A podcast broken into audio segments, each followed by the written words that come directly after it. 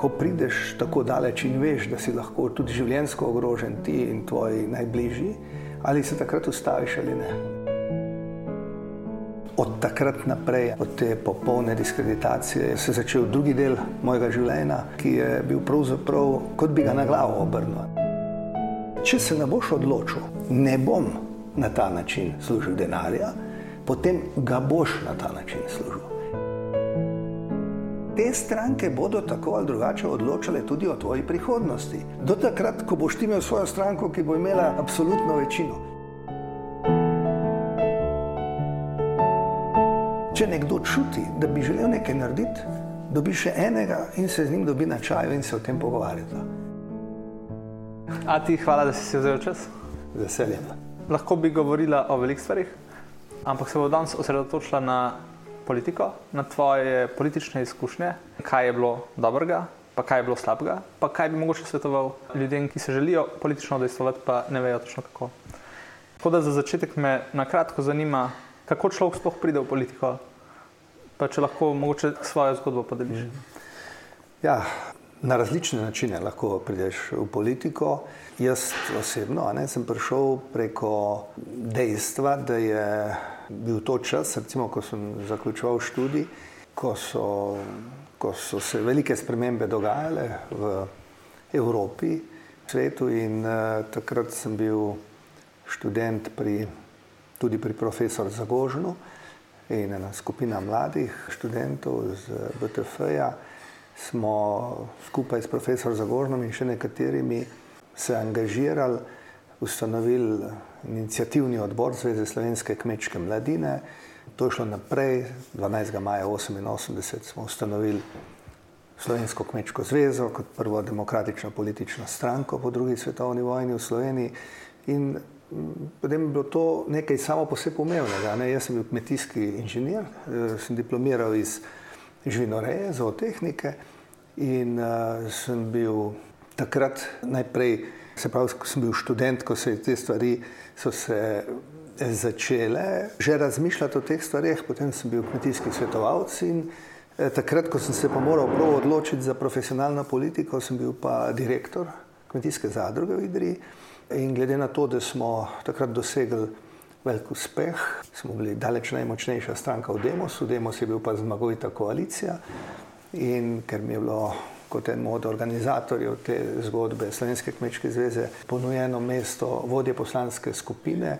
To pa seveda ni bilo združljivo z vodenjem podjetja. Sem takrat postal tudi profesionalni poslanc in, in tako so šle stvari naprej. So pa seveda tudi druge poti, ne? nekateri zavestno že se v mladosti odločijo, Eh, ko grejo vem, na srednjo šolo in potem na, na faks, se odločijo recimo za FSPN ali pa neke, neke eh, študije, eh, za katere ocenjujejo recimo nekateri pravo, nekateri druge usmeritve, da bi jim najbolj prišle prav pri nekem družbenem in političnem angažiranju in pa na ta način recimo vstopijo v to, v to sfero. Kako bi razdelil svojo politično kariero? Tako, a bi jo na etape, a je bil kakšna taka prelomnica? Prelomnica je bila življenjska, je bil sam začetek. Ko pravzaprav jaz nisem nikoli razmišljal, mi nimamo v družini nobenih, eh, eh, nobenih politikov, bi rekel v tem smislu. In je bilo to čisto nekaj drugega, kar sem si predstavljal, da bom delal v življenju. Mimo grede, ne, sem imel takrat eh, čudovit poklic, kmetijski ki je svetovalec eh, med ljudmi, eh, ker jim lahko kaj pomagaš in si v naravi in tako naprej. Potem, predtem sem eh, prevzel vodenje zadruge. In je pač bil to velika prelomnica, da, da sem šel pač v, v politiko. Potem bila pa druga največja prelomnica, gotovo 1996, ta velik rezultat, zmagovit, skoraj 20 odstotki, 207 tisoč glasovi, ko smo postali eh, kot druga najmočnejša stranka, potem ko ni uspelo oblikovati eh, vlade iz strank Slovenske pomladi, ker je zmanjkal en poslanec, ko smo naredili veliko koalicijo z LDS-om in takrat smo naredili tudi ta program skupaj s civilno inicijativo za Slovenijo. Jaz ga zdaj že v zadnjih mesecih malo predstavljam na, tudi na nekaterih družbenih omrežjih, na, na Facebooku, Twitterju.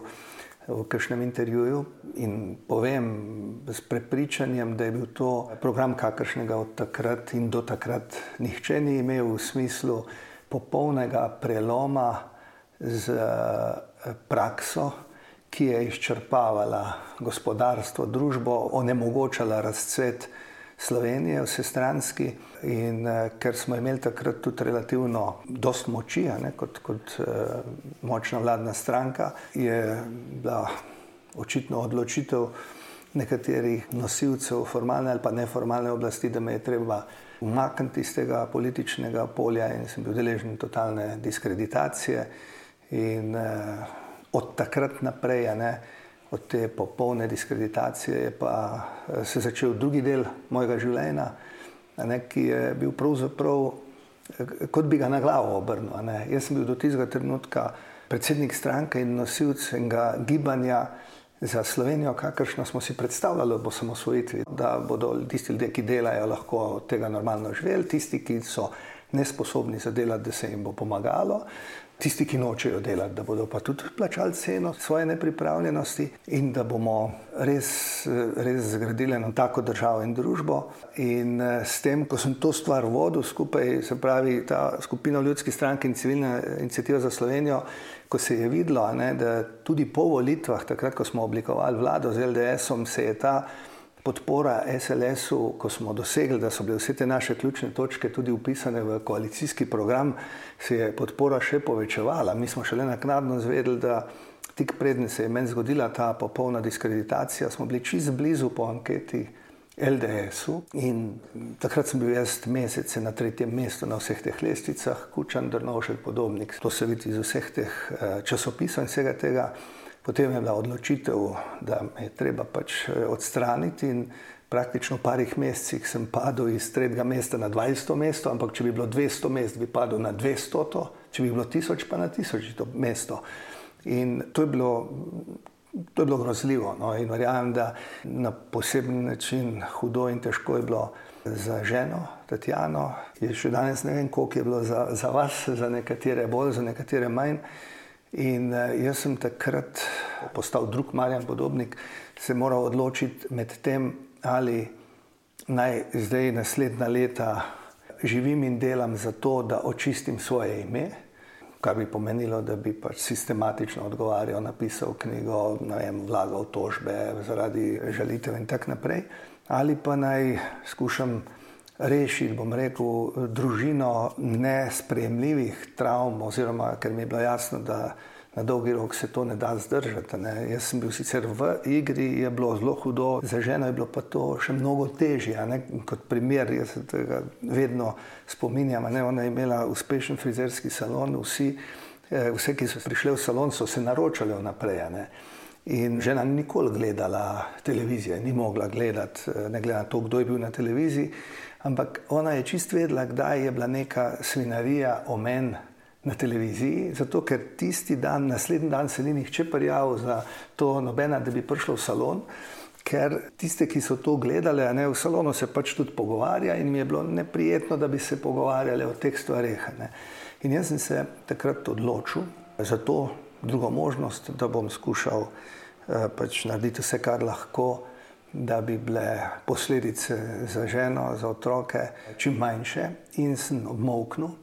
In uh, ta mok je seveda pomenil, da tisočkrat izrečena laž postane resnica, in večina teh stvari je postala resnica. In najbolj tak primer, kaj to pomeni, če ne odgovarjaš na te stvari, je bil to, da je moja pokojna mama umrla, ne da bi verjela, da ni bilo nič res.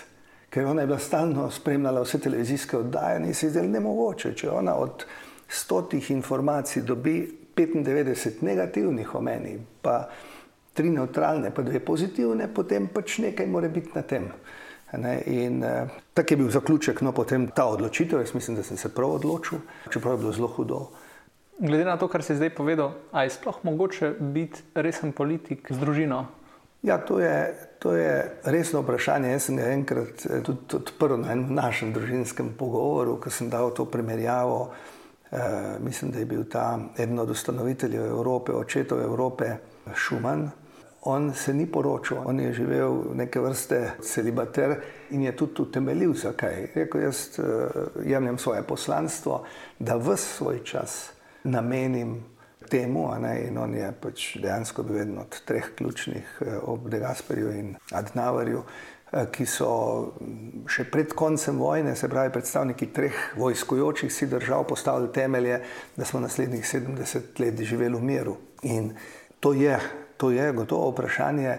E, mislim pa, da bi bilo zelo napačno, če bi to ljudje razumeli, da naj ne gredo v politiko, če si nameravajo ustvariti družino ali pa če imajo družino. Če bi bilo to sporočilo, potem bi, po mojem, bilo, seveda, spoštujem vse, ki nimajo družine iz kakršnih koli razlogov, ampak če bi bilo to sporočilo, potem mislim, da bi se še krepila negativna selekcija v politiki. Pomembno je, recimo, če govorim iz svoje izkušnje, da ko vstopiš v to stvar, da se znotraj družine, če imaš že ženo in če so otroci starejši, tudi z otroci, sicer pa ženo, odkrito pogovoriš, katere stvari so še sprejemljive.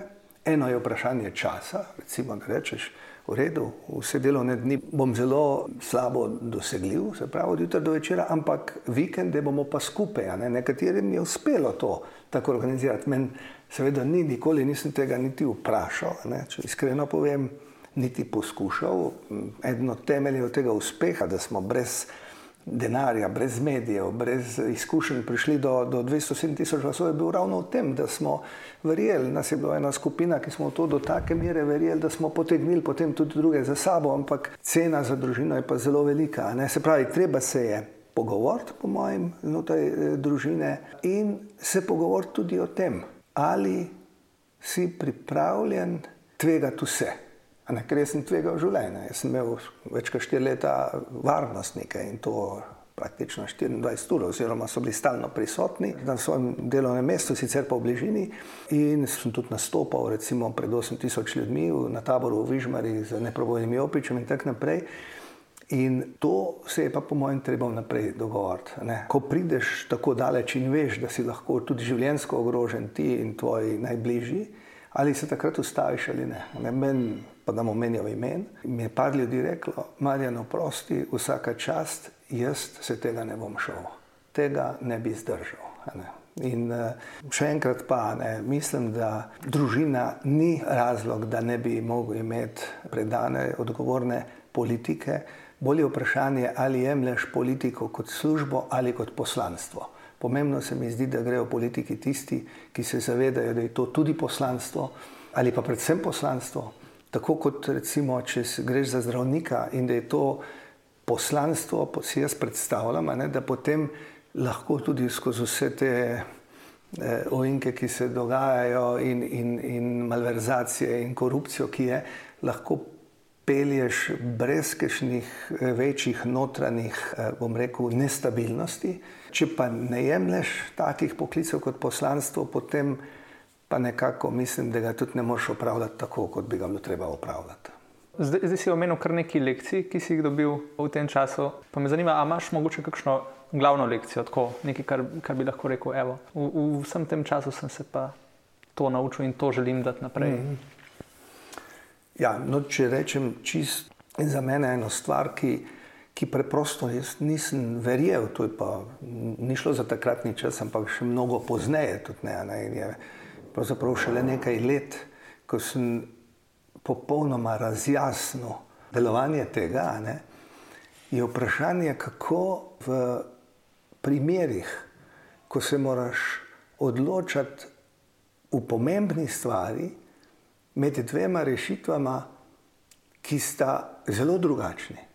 In nikakor nimaš nobenih močnih argumentov, ne za eno, ne za drugo stran, niti svetovalcev, kjer bi na osnovi zaupanja njim se odločil za eno ali drugo stvar. Ne, jaz preprosto nisem verjel ali nisem dovolj iskal, da za take primere obstaja neverjetna rešitev. Ne. Jaz jo lahko tudi uh, sem osebno testiral to, kar da lahko o tem, kot bom rekel, pričujem, da če prideš s čistimi nameni, s čisto, čisto eh, dušo pred eh, svetega duha in ga vprašaš v take situaciji, se obrneš na svetega duha, moliš k svetemu duhu, pa to ni treba, da je to en teden, lahko je to eno uro, lahko je pet minut, lahko pa je tudi en teden. Ampak toliko časa, da dobiš sporočilo. In neverjetno je nekaj, vedno dobiš sporočilo.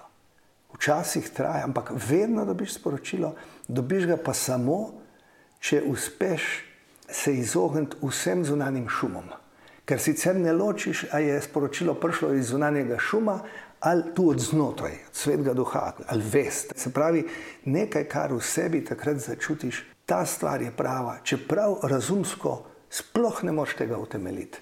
In vsakemu, ki verjame v moč molitve, jaz v to verjamem, verjamem da, da je Kristus tisti, ki vodi mojo pot. Vsakemu, ki v to verjame, mu priporočam, bom rekel, da dobesedno testira to stvar, lahko na mnogo manj pomembnih stvareh. To so lahko nekatere dnevne stvari, ko se odločaš, ali naj danes grem vem, na eno malce bolj zahtevno kolesarsko turo, malce bolj adrenalinsko. Pa so ti eni odsvetovali, tam se je že kdo poškodoval. Pa se lahko vprašaj, in boš dobil zelo jasno smeritev. Lahko bo to tako, ja, lahko greš, ampak bodi pripravljen, bodi uh, imej čelado, imej vse te stvari, lahko bo pa čist jasno. Ne hodi od doma. Na, jaz sem recimo lahko povem, nekaj dni nazaj dobil bi mogel iti na eno pot v, v tujino. Vse dogovorjeno in to celo z enimi kar visokimi predstavniki tam so me prosili, da bi prišel. In mi je bilo neprijetno reči, ampak sem odkrito povedal, sem rekel, jaz sem dobil tako jasno, v znamenjih in v molitvi sporočilo, bodi danes doma, da se vam iskreno opravičujem, se vam bom prilagodil za, za, za druge stvari, ampak danes žal ne morem priti. Evo, zdaj, ki govoriš o odločitvah, ali imaš neko najtežjo odločitev, ki si jo mogel sprejeti na politični ravni? Gotovo je bila zahtevna politična odločitev let, leta 97, po volitvah leta 96 v vlado z dr. Janezom Drnovškom. In ne glede na to, da so me iz tega razloga pardon, naredili mnogi potem za izdajalce in tako naprej, uh, jaz verjamem, da je bilo prav, da sem to naredil takrat kot druga najmočnejša stranka, da smo naredili veliko koalicijo dveh najmočnejših strank, ker pač ni bilo možnosti, da bi pomladne stranke dobile večino in To sem naredil potem, ko sem videl, da sta tudi drugi dve pomladni stranki, SKD in SDS, se dogovarjali nekako z našimi hrbti, tudi z LDS-om, kot dve manjši stranki. In sem se tudi takrat odločil, in to je bil seveda tudi razlog, eh, da smo potem, pač, ko smo uspešno uskladili to koalicijsko pogodbo, to je bil pač temelj moje diskreditacije. Ampak jaz, pravim, jaz ne vem, zakaj je to tako, bilo je grozljivo težko ampak verjamem kljub temu, da vsaka stvar je za nekaj prav in Bog že ve, zakaj je prav. Jaz pa že malo čutim, zakaj je prav. Zdaj si omenil povezovanje z nasprotno stranjo. A imaš kakšnega najljubšega politika z, z nasprotne strani? A si s kom spletel take osebne vezi, ali pa da ste tudi po tem času še naprej eh, bili v kontaktu?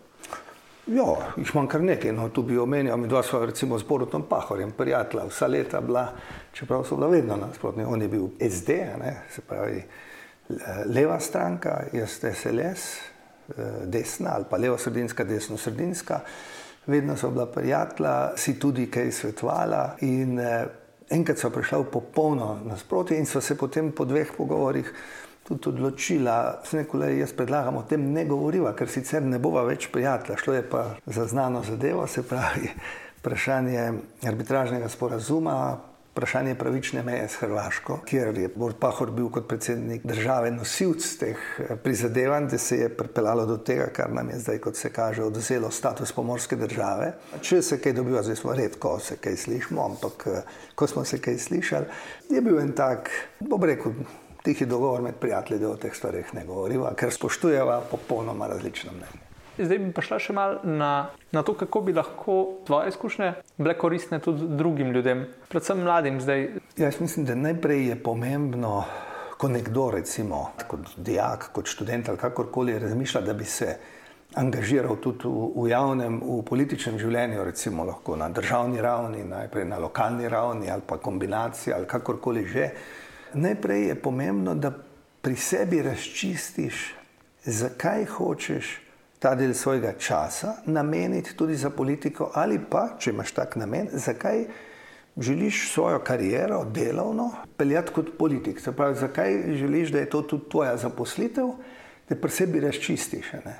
Zakaj se mi zdi to pomembno? Ne? Zato, ker če tega pri sebi ne razčistiš, potem boš slejko prej v neki skušnjavi naredil potezo, zaradi katere sicer nisi šel v politiko, ki te bo pa zaznamovala in te, te naredila sebe nesrečnega, lahko druge okoli tebe. Treba je namreč vedeti, da v politiki, če sploh če greš na više položaje, je ogromno teh ponudb za korupcijo. Jaz odkrito povem, da bi bil lahko multimilionar zdaj. In to so direktne ponudbe, takrat, ko se je šlo za hit, zaradi česar sem mogel dobiti varnostnike.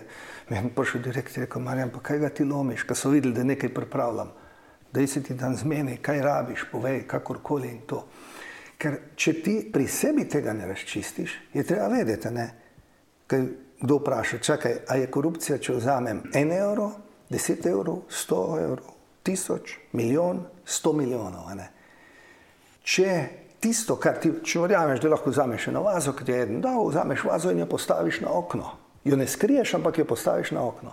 E, sicer pa, moč vedeti, če se ne boš odločil, ne bom na ta način služil denarja, potem ga boš na ta način služil.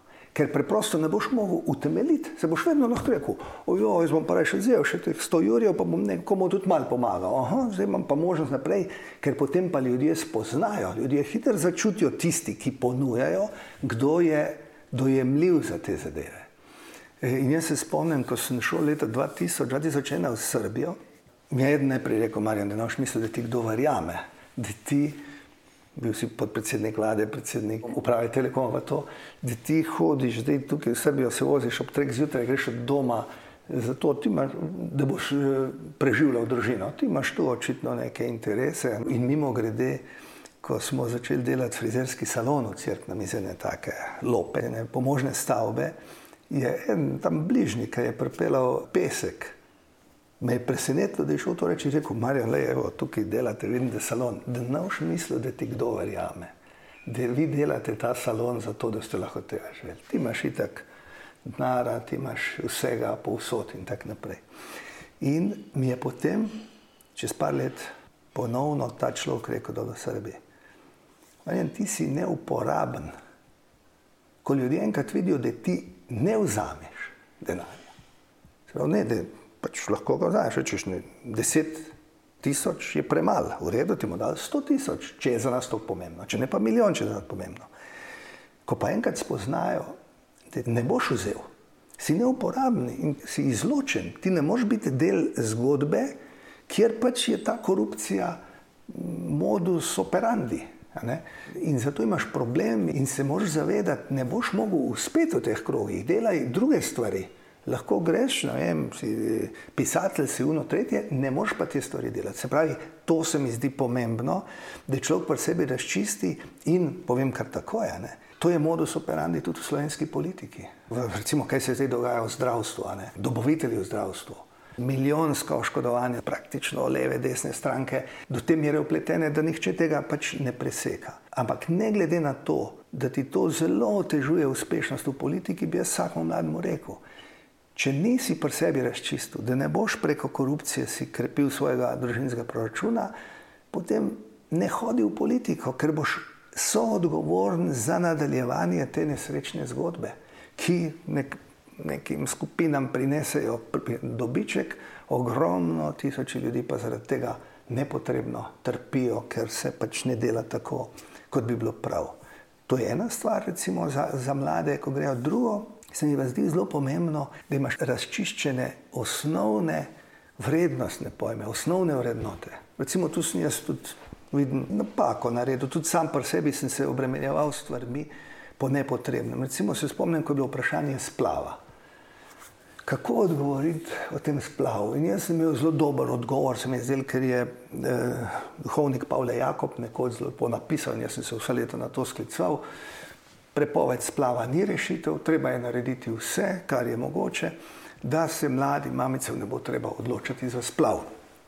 In se na nek način tako uh, umikal iz, iz takih tem. In zdaj, recimo, če bi nekomu svetoval, bi rekel, ko imaš to vprašanje, to je vprašanje, ki slejko prej bo prišlo, moš povedati, a si zaspal ali nisi zaspal. Ne, a si za prepoved. To je sekundarno vprašanje. In jaz, če me zdaj vprašajo, jaz sem proti splavu. Za me je splav umor nerojenega otroka in je to nekaj negativnega. Vse ostalo se lahko potem naprej pogovarjaš. Prav meni se zdi pomembno, da ko vstopiš na političen prostor, si par takih zadev jasno postaviš in presenečeni boste, ko boste videli, kako ljudje to spoštujejo. Ne, ker mar se kdo bi rekel, aha, zdaj, ko bom pa jaz to splavil nekaj rekel, kar nekdo se ne strinja, pa nimam šans, da bom uspel. Ni res. Recimo, tipičen primer so Združene države Amerike. Konzervativna stranka, recimo Donald Trump, ne, je jasno povedal, da je proti splavu, za njega je to nekaj negativnega, pa je zmagal na ameriških volitvah. Ne glede na to, da je gotovo bilo zelo veliko med njegovimi voljivci, ki so volili za njega, ki se niso strinjali s tem njegovim stališčem, so ga pa spoštovali, zato pa, ker so do te mere spoštovali druga njegova stališča in so se jim zdela pomembna za prihodnost njihovega življenja, so ga iz teh drugih razlogov kljub temu volili. Zato mislim, da je pomembno, ko stopaš v ta prostor politični, oblikuješ si za par ključnih vrednot in tako naprej zelo jasna stališča. Kaj so po tvojem ene tri največji trenutni politični izzivi, s katerimi se bo mogla uh, mlada generacija soočiti? A v Sloveniji ali v svetu? Pa lahko rečemo v Sloveniji, če se to da ločiti od ja. svetovnega dogajanja. Se je res, težko se loči. Res, to je tukaj vse povezano, da je težko samo govoriti o Sloveniji brez sveta in obratno. Prav pred kratkim, par dni nazaj, je, je Joc Pečečnik napisal eno odprto pismo slovenski javnosti. Jaz sem, zato, sem ga delil in napisal, da ga priporočam vsem ministrom, poslancem, potencijalnim in tako naprej, da ga preberejo. Predvsem zato, ker ocenjujem, da v zadnjih desetih letih nihče ni s tako malo besedami tako jasno podal analizo in par programskih točk, kaj bi bilo treba narediti. Ne. In je pač preprosto povedal, kje zdaj smo in zakaj ne moramo priti, kamor bi radi prišli. Naredil je znane primerjave, na katere so nekateri zelo alergični, z recimo uspehom športnikov, uspehom nekaterih podjetnikov in tako naprej. Ne.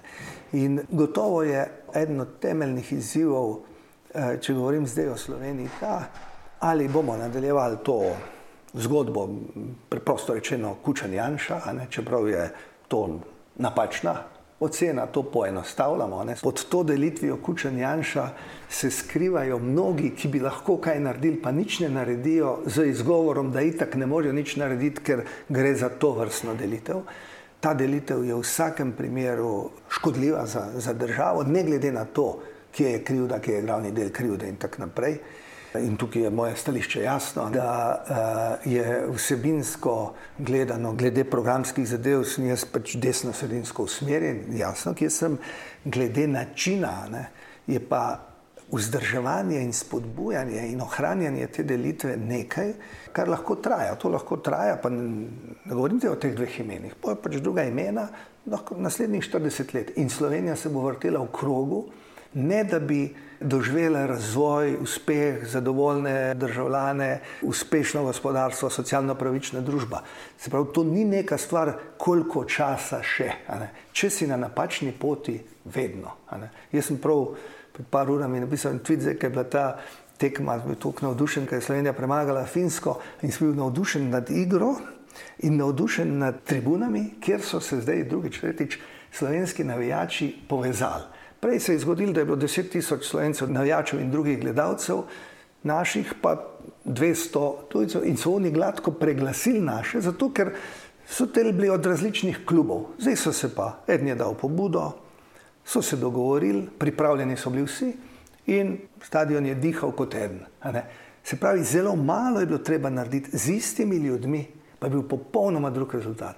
In tako si je predstavljanje Slovenije. Se pravi, treba bilo dati pobudo, seveda Pogoj je pripravljenost, te očitno ni, po mojem, nikjer, ne na eni, ne na drugi strani, tretji. Žali Bog je pa ta delitev tista, ki po eni strani uničuje posameznike, ki so recimo sposobni, tudi ugledni in se nekje izpostavijo, In ko naredijo eno napako, se ga uniči. Tako kot je Zanj Blaž napisal, kot da bi taki ljudje po drevesih rasli. In ko v eni taki slovenski družbi ljudi, ki morajo biti najprej sposobni, potem torej zaupanja vredni in kot tretje, pripravljeni, da neko, ker če so sposobni in tako naprej, seveda so tudi zdaj imeli neko dobro službo. Se pravi, da so pripravljeni prevzeti neko tvegano mesto, in če se potem nasprotni blok samo išče, kako bo pri prvi napaki evidentni, ga uničil kot osebnost, ne kot nekega politika, rečeš, naredi, si napako odstopi, ni problem. Predlagaj, da ta človek odstopi, ne pa da ga diskreditiraš do temeljev, da je potem neuporaben, da tako rečem, da bi lahko čez dve leti, čez pet let, kakorkoli v neki drugi sestavi kredibilno dal na razpolago svoje sposobnosti, svoje izkušnje in tako naprej.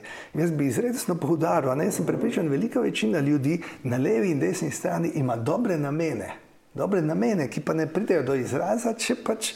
Tisti, ki, pač, ki imajo večji vpliv, nekako ne uspejo skanalizirati tudi v, v dobre rezultate. In um, to je veliki izziv, za Slovenijo, predvsem zato, ker moramo vedeti, ne, da smo v nekem času, ki dobesedno, nažalost, diši po, po, po tretji svetovni vojni.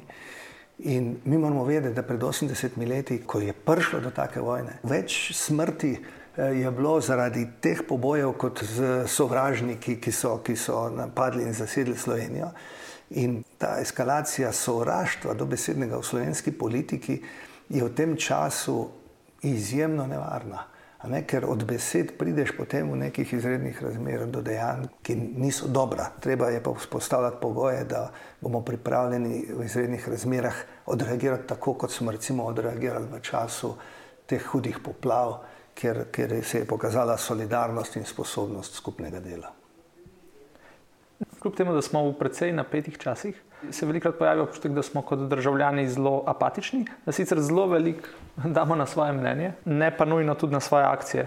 Tako da, kaj je mogoče ta najmanjši korak, ki ga lahko vsak državljan tukaj napravi? Prva stvar je, da če nekdo čuti, da bi želel nekaj narediti, dobi še enega in se z njim dobi na čaju in se o tem pogovarjata. In reče, da ali, to bi bilo treba narediti, da je pa povabiti še tega, pa še tega in jih je deset. Inače, vsake 14 dni se bomo dobili in se bomo pogovarjali. Ti si strokovnjak na tem področju, jaz imam izkušnje na tem področju, on ima svojega vem, očeta na tem področju, on ima na tem. Ko prideš do neke točke, potem si moraš to nujno zapisati. Nujno. In rečeš, mi bi na področju šolstva naredili to, na področju kulture bi naredili to, na področju znanosti bi naredili to v zunanji politiki, glede na to, kar vse vemo zunaj, bi naredili to. In si zapisuješ, Neče, aha, da je naša skupina ima zdaj tukaj že 15 predlogov. In pogledaj, reče, aha, na področju zunanje politike, ja, ta je dober, tega vidim na televiziji, tega pa na kontrastrani na televiziji. In reče, a bi prišli se o tem pogovarjati, znesljivo se bojo prišli pogovarjati. Ker ti ljudje, ki to spremljajo, po eni strani želijo vedeti, kaj razmišljajo, recimo mladi, po drugi strani pa tisti, ki resno spremljajo mednarodne zadeve, ga, ga seveda skrbi stanje, kakršno je. In podobno velja, če bi bilo za področje vem, eh, šolstva, kulture, gospodarstva in tako naprej. To je recimo tak prvi korak. Drugi korak. Je čisto tako, da se samo vprašaš, v redu, jaz imam svoj poklic, svoje stvari želim delati, ampak sem pripravljen biti, ne vem, občinski svetnik. Recimo, jaz sem bil včasih eh, predsednik eh, vaške skupnosti, se reče, mi nimamo krajne skupnosti in pred nekaj tedni, ker niso mogli zbrati enega drugega, eh, smo pa bili edina vaška skupnost, ki ni imela predsednika, z njih povabil k meni domov, zato mizo je od nas polno in smo par mladih eh, spodbudili, da so postavili zdaj cilje v tej vaški skupnosti, ki ima sedem vasi. In jaz na tem sestanku bil zapisnikar. In ko smo poslali ta zapisnik, zapisnik Armarijan Podobnik, predstavniki vasi so vsi ti in smo dali nekaj deset točk programa in mlad, še relativno neizkušen, je že imel prvi pogovor z prav tako mladim županom, ki ga imamo tukaj in zdaj smo se že v naslednjem tednu, verjetno se bomo dobili in se pomenili, kako rešiti ten problem tukaj enega odseka. Pol si lahko recimo se odloči, pa reči, jaz bom sodeloval tukaj in si pripravljen kandidirati ali na neki listi strankarski ali narediš eno svojo listo na lokalni ravni. Potem, ne, recimo, če rečeš, da bo šel na ta način v aktivno politiko. Mar kdo reče, da ja, vsi so isti, pa tako naprej. Ne, če ti se ne strinjaš z nečem v eni, drugi, tretji, levi, desni stranki, to ne pomeni, da je vse narobe, če se z nečim ne strinjaš. Če si se pripravljen izpostaviti, ker moš vedeti, te stranke bodo tako ali drugače odločale tudi o tvoji prihodnosti. Do takrat, ko boš ti imel svojo stranko, ki bo imela absolutno večino, do takrat bodo te stranke odločale o tvoji prihodnosti in je v tvojem interesu, da jih vsaj malo izboljšaš. Kako? Če ne drugače, da v eno vstopiš in skušaš svoje pozitivne stvari na ta način spremenjati. Seveda tvegaš, da boš s tistimi stvarmi, kjer se tam ne strinjaš, ti nekdo rekel, ti si zdaj stopil v to stranko, ma ti veš, da oni zagovarjajo to pa to. Ja, rečeš res, jaz sem za to vstopil not, ker bom skušal vplivati, da bodo spremenili to stališče, imajo pa že zdaj dobra stališča o tem in tem in želim, da je ta stranka uspešna. Cela vrsta možnosti je, Eh, za delovanje neprofesionalno in tudi jaz mislim, da to je ključna politika. Se pravi, politiki, če gledamo politiko v ožjem smislu, kot poslanci, župani, ministri, zanemarljiv del od vseh, ki sodelujejo v političnem procesu, je profesionalcev. A ne drugo je, če gledaš zdaj pač vse, ki so na ministrstvih, ampak to so pač že strokovne in druge službe. Tako da na vsak način pa jaz spodbujam in vedno, tudi ko sem bil še v parlamentu ali pa potem na vladi, ko so prihajali kakšni mladi, vedno sem zaključil s tem. Angažirajte se. Če samo malo čutite, se angažirajte. Zato, ker o vsem odloča politika in povsod vsem odloča politika. Ali nam je to prav ali ne. ne? In če rečeš, vsi so enaki, to jaz vedno znova poudarjam ko si jezen, ko vidiš prvega, drugega, tretjega, desetega v parlamentu, s katerim se ne strinjaš. Ne smeš reči, vsi so enaki, če samo eden od 90-ih, po tvojem prepričanju, je pravi. Ne smeš reči, vsi so enaki, zato ker ti si prizadel njega, tistega, ki ima slabe namene ali pa slabo dela, tistega nisi prizadel. Prizadeneš pa na tanko tisto, žal na mnogih področjih, pa manjšino, ki si angažirano trudi stvari spreminjati in pri tem vse glihrstvu so pač oni potem še enkrat žrtve. Se pravi, če zdaj prav razumem, tudi ko si rekel o polnomočenju mladih, če ima kdo aspiracija, se lahko na te obrne? Absolutno. Moj telefon je na razpolago že zaradi številnih otrok. Včasih nisem vedel, ali so zvečer po noč prihajali, odhajali, ko so se vrata odpirala, imam v glavnem telefon vedno odprt. Torej, čutim tudi kot neko obveznost, da če nekdo se obrne z nekim vprašanjem, da po svojih močeh mu skušam odgovoriti. Super. Hvala ti še enkrat, da si, si vzel čas in evo, ti želim srečno še naprej v vseh vlogah, ki jih opravljaš. Hvala lepa in hvala za priložnost. Tudi tebi vse dobro. Dobro tek. Enako hvala.